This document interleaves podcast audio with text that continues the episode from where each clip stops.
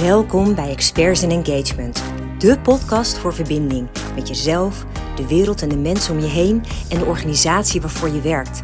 Ik vertel je van alles over geluk, werkgeluk, hoogsensitiviteit, gezondheid, lifestyle en fashion. Laat je inspireren en maak van geluk je lifestyle. Volg ook ons platform expertsinengagement.com voor leuke artikelen en een flow aan positiviteit. Daar zijn we weer.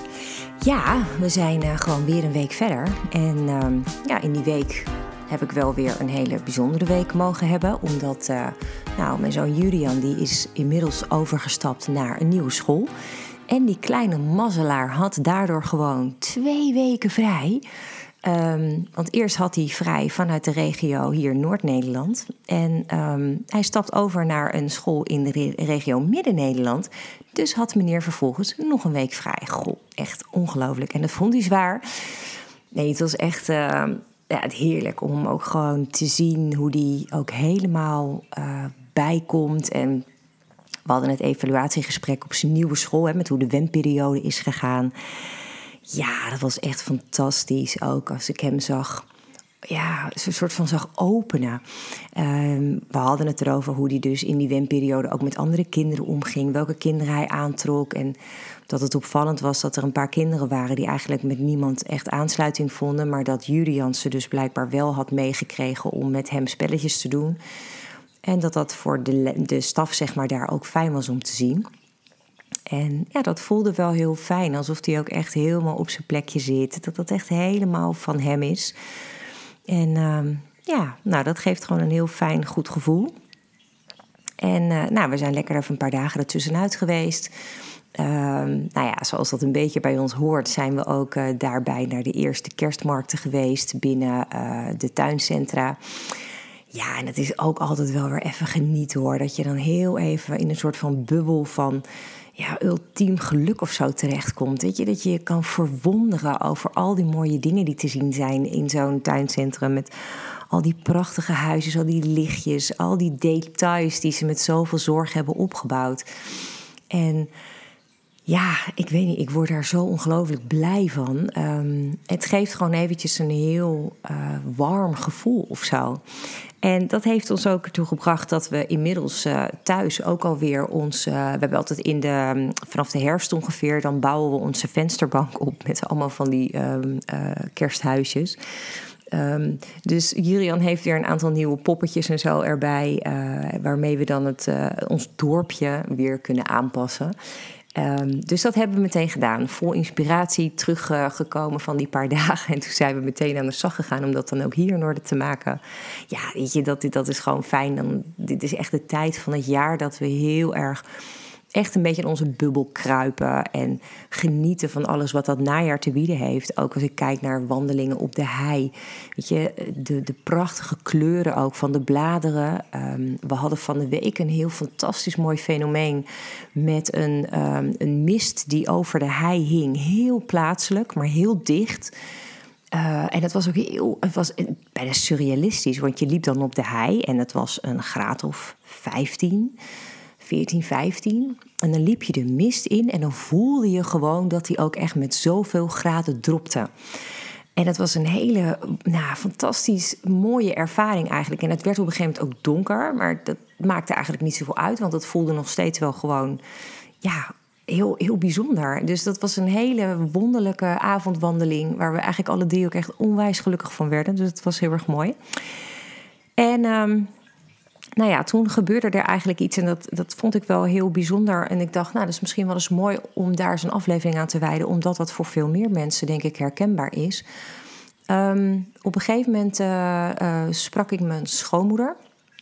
En um, nou, die zat er eigenlijk helemaal doorheen. Die zat in een soort van kleine depressie. En nou, ik vroeg vooral wat er speelde en uh, waardoor ze zich dan zo voelde. En zij noemde een aantal dingen. En het opvallende aan alle dingen was: het waren allemaal dingen die buiten haar plaatsvonden. Die zijdelings met haar te maken hadden. Uh, maar eigenlijk ook helemaal niet. Want als je de situatie ging afpellen, dan kon je zien dat eigenlijk in alle van deze situaties, het ging om die ander die heel slecht in zijn en haar vel zaten. En die als het ware dat reflecteerde op mijn schoonmoeder en dat dan heel erg van ja, een beetje op haar projecteerde vooral en waar zij dan voornamelijk de pijn van had.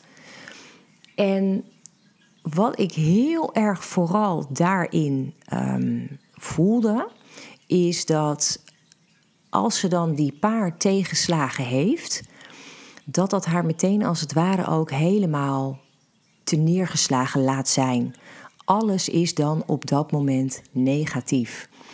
Er is niets meer wat enigszins licht kan brengen. Ze zat echt even helemaal in een diep dal. En nou, dat vond ik op zich al heel vervelend voor haar. Ik vond het heel triest. Het was ook voor mijn schoonvader niet zo fijn. Want ja, dan zit je de hele dag met iemand die alles maar negatief ziet en die overal over klaagt. En dat is gewoon best wel pittig. En ik denk dan: oh mensen, jullie zijn de tachtig voorbij. Ehm, maak er gewoon het allermooist van. Weet je, het is zo zonde om deze periode te gebruiken. Dat vind ik sowieso door je hele leven hoor. Maar als je dan nog maar eigenlijk een aantal jaren te gaan hebt, haal er dan nog zoveel mogelijk uit als wat kan. Dat zou het meest ideaal zijn.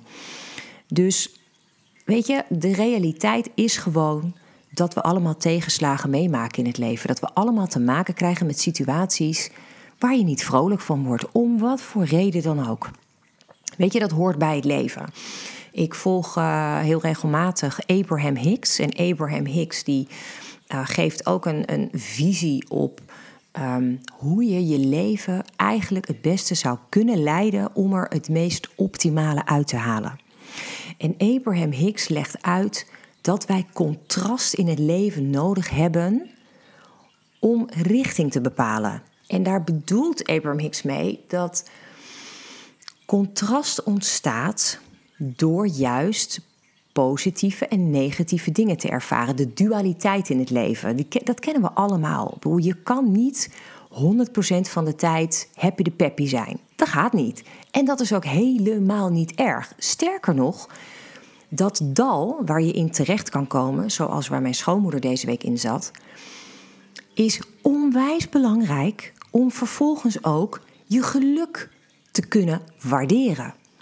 Op het moment dat jij kleine dalletjes, grotere dalen meemaakt in je leven, dan ben je des te meer geneigd om het geluk te waarderen, om van het geluk te kunnen genieten. Dus dat contrast, die dualiteit die we ervaren, die geeft vooral aan, en dat vind ik zo mooi zoals Abraham Hicks dat zegt, die zegt, nou dan heb je dus een situatie, die maak je mee, dat is negatief. Maar doordat dat negatief voelt, ontdek je, hm, dit is wat ik niet wil. En tegelijk snap je dan dus wat je wel wil. Dus het geeft in die zin inderdaad richting. Het kan voor jou laten zien wat je dus wel nodig hebt en waar je dus vooral wel op mag focussen. En dat vind ik een hele belangrijke, want ik geloof natuurlijk heel erg, dat heb ik zo vaak al gezegd, ik geloof zo erg in die wet van aantrekking, die wet van vibratie. Daar gaat het natuurlijk over dat als jij je kunt focussen op het positieve en als je kunt focussen op wat je dus wel wil, dat dat uiteindelijk ook hetgene is wat je aantrekt. Terwijl als jij dus heel erg in het dal blijft zitten en alles heel erg duister ziet en alles als negatief alleen maar kan zien, dan trek je ook veel meer daarvan aan. Dus een dal is prima, tijdelijk. Weet je, net als dat je bijvoorbeeld even ergens heel verdrietig over kan zijn. Of dat je ergens heel erg boos over mag zijn. Dat is goed, dat moet er zijn. Weet je, dat hoort bij het leven. En het maakt dus tegelijk heel veel duidelijk over nou, hoe jij ergens in staat, wat voor jou belangrijk is en wat je dus nodig hebt. Ik zie het heel vaak ook in mijn trainingen, als we het hebben over kernwaarden. Ehm, heel vaak worden mensen boos, maar snappen ze zelf dan ook nog niet eens helemaal waarom ze dan boos worden. En dan blijkt als je dat weer gaat onderzoeken, dat dat te maken heeft met dat mensen over bepaalde grenzen gaan die ehm, heel erg aan jouw uh, kernwaarden vastzitten. Dus bijvoorbeeld, een van mijn belangrijkste kernwaarden is vrijheid. Op het moment dat iemand mijn vrijheid inperkt, en daar heb ik last van, dan kan mij dat een ontzettend rot gevoel geven. En dan besef ik ook meteen weer, oh, maar dat komt omdat ik dus inderdaad die vrijheid zo belangrijk vind en omdat ik daar dus eigenlijk naar wil streven. En dat geldt natuurlijk ook met rotsituaties. Weet je, op het moment dat jij dus iets ervaart waar je echt heel shitty over voelt, nou, dan is het dus ook eigenlijk op dat moment fijn als je kan bedenken: oké, ik voel me echt even super rot. Uh, en dat is oké, weet je, dat, dat mag er best even zijn. Um, maar wat wil ik eigenlijk wel? Nou, en dat gesprek ben ik dus ook met mijn schoonmoeder aangegaan. Oké, dit is allemaal gebeurd. Wat doet het met je? Uh, hoe voel je je eronder? Gewoon echt eventjes wel besproken. Het mag er gewoon even zijn. En vervolgens ook bedacht van maar wat zou je dan eigenlijk wel willen? Wel met de wetenschap dat als op het moment dat je in een situatie zit waar uh, allerlei anderen jouw dingen aandoen, um, dat je daar ook lang niet altijd de controle over hebt. Want die anderen, ja, die doen gewoon hun dingen. En daar kan je niet altijd helemaal um, het juiste in doen. Zeker niet als het gaat om een ander die bijvoorbeeld psychisch zodanig, ja, ik denk beschadigd is, moet ik maar even zo zeggen. Um, dan is dat heel moeilijk om daar uh, op een hele um, uh, één op één makkelijke manier mee om te gaan. En, en te zeggen van joh, hey, zullen we het niet meer zo doen? Want dat is in dit geval gewoon eigenlijk niet mogelijk. Dus ik zei ook tegen haar, zeg maar, als we nou eens gaan focussen op mooie dingen. Want het opvallende is, er zijn dus in de afgelopen dagen twee best wel uh, lastige dingen gebeurd. En één, moi, weet je, een dagelijks ding gebeurt altijd. Hoe kan het dan dat je dagen daarna nog steeds alleen maar daarmee bezig bent, terwijl je verder gewoon wel je leven aan het leiden bent? Dus ik zei ook, maar op het moment dat je dus alleen maar in die negatieve dingen blijft zitten, zie je ook de mooiere dingen niet meer. Nou, dat gingen we testen. Want ik vroeg aan haar, ik zeg maar naar zo'n dag als vandaag. Um, wat we hadden gedaan is, uh, uh, smiddags was Jurian uh, bij haar. Ze hebben lekker spelletjes gespeeld. En ik had ze uitgenodigd om bij ons te komen eten. Gewoon even iets positiefs, even gewoon lekker sfeer. Dus ik had met Dennis samen allemaal lekkere hapjes gehaald. En we hadden de tafel uitgebreid, vol staan met allemaal lekkers. En nou, daarna hadden we dus zo'n gesprek. En toen zei ik tegen haar van, maar als ik nou kijk naar vandaag. Ik zeg, waar zou je dan vandaag dankbaar voor kunnen zijn? En ze kon oprecht niets bedenken. Niets. En toen zei ik tegen haar, ik zeg, ja, ik zeg maar, hoe komt dat nu? Ik zeg, omdat dan dus het negatieve, wat er dus gebeurd is de, de dagen hiervoor, dat was echt minimaal al drie dagen geleden, maar dus dagen ervoor, um, dat overschaduwt alles. Uh, dat laat ze alles overschaduwen. En toen gaf ik een aantal voorbeelden van de dag waar ik dankbaar voor was, dingen die ik had uh, gehad. En ik zei tegen haar: van joh, maar nou heb je een hele leuke middag gehad met je kleinzoon. Die is gewoon gezellig spelletjes komen doen. Uh, je bent hier gezellig komen eten. We hebben gewoon echt genoten met elkaar van het eten. We hebben leuke gesprekken gehad. Ik zeg, is dat dan niet iets waar je dan dankbaar voor kan zijn? En ja, dat, kan, dat, dat bedacht ze toen ook pas ineens. Van, oh ja, ja, dat vind ik eigenlijk hartstikke fijn en heel erg mooi. Maar ze kon het dus niet zelf bedenken. Dus dat zette mij weer even op mijn plek, omdat ik dacht: ja, voor mij is dat inmiddels zo vanzelfsprekend dat ik gewoon kan bedenken waar ik dankbaar voor ben. Um, en dat ik daar ook heel erg de waarde van zie. Maar ik besef dus ook steeds meer dat dat dus voor een ander helemaal niet zo vanzelfsprekend is. Of in elk geval dat iemand daar wat hulp bij kan gebruiken om nou ja, daar wat bewuster mee bezig te zijn. En ik heb dus ook met haar afgesproken toen: van joh, weet je, ik ga gewoon elke dag even bij je inchecken en dan gaan we eens even inzoomen op de dag. Nou, dat ben ik gaan doen. En um, het grappige is dus ook, ik, elke avond hebben we dan even contact, gewoon via de WhatsApp. En dan uh, vraag ik ook aan haar van, goh, hoe was je dag vandaag? En dan zegt ze ook eerlijk wat er dan geweest is. En uh, nou, ook met alle negatieve dingen. En, dus, en dan ga ik ook heel erg inzoomen op, hé, maar wat was er nou eigenlijk ook mooi vandaag? Wat was er positief? En elke keer, en dat is zo mooi, blijkt dat als je dan een soort van balans opmaakt, dat minimaal driekwart van de dingen positief was. Minimaal, hè, zeg ik, want over het algemeen is 80% gewoon wel echt positief. En wat ik dus nu hoop te bereiken, is dat ze ziet dat in de negatieve dingen, um, dat het eigenlijk maar een heel klein onderdeel is, Maar dat wij als mens heel erg geneigd zijn, daar kunnen we niet zoveel aan doen. Hè? Dat is gewoon ook echt vanuit ons oerbrein zo bepaald dat de negatieve dingen altijd heel erg de overhand hebben.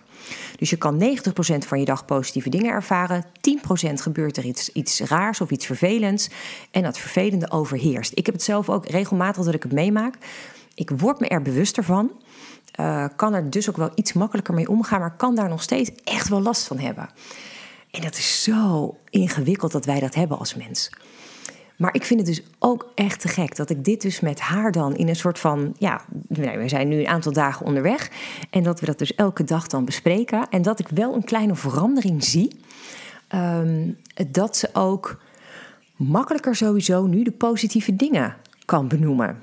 Meer dan dat dat in het begin lukte. En dat vind ik echt fantastisch. Dan zijn we vier dagen verder. En dan denk ik, wauw, jeetje, dat hebben we gewoon nog voor elkaar gekregen. Dat, dat vind ik echt ongelooflijk. Alleen het gaat er dus over dat je dat dus bewust mag doen. En dat je dus ook mag denken, als je in dat dal zit... van, oh, maar dit is eigenlijk super nuttig... want des te meer ga ik straks weer genieten van de leuke, positieve, fijne momenten. Dus wees dat dal ook dankbaar dat dat er is. Want dat is dat contrast wat jou duidelijk maakt, wat je dus niet wil zodat je ook snapt wat je mag gaan doen om wel te bereiken waar je blij van wordt. Dus dat is eigenlijk een hele simpele, ehm, ja, relatief korte aflevering, denk ik, uh, deze week. Omdat ik denk dat je hiermee al voldoende uit de voeten kan. Ehm, om ook eens bij jezelf na te gaan. Ga dat gewoon eens elke avond voor jezelf. Zet een reminder in je telefoon. En zet elke avond, goh, welke dingen vandaag kan ik nou dankbaar voor zijn? Welke dingen hebben mij blij gemaakt? Welke dingen toveren een glimlach op mijn gezicht?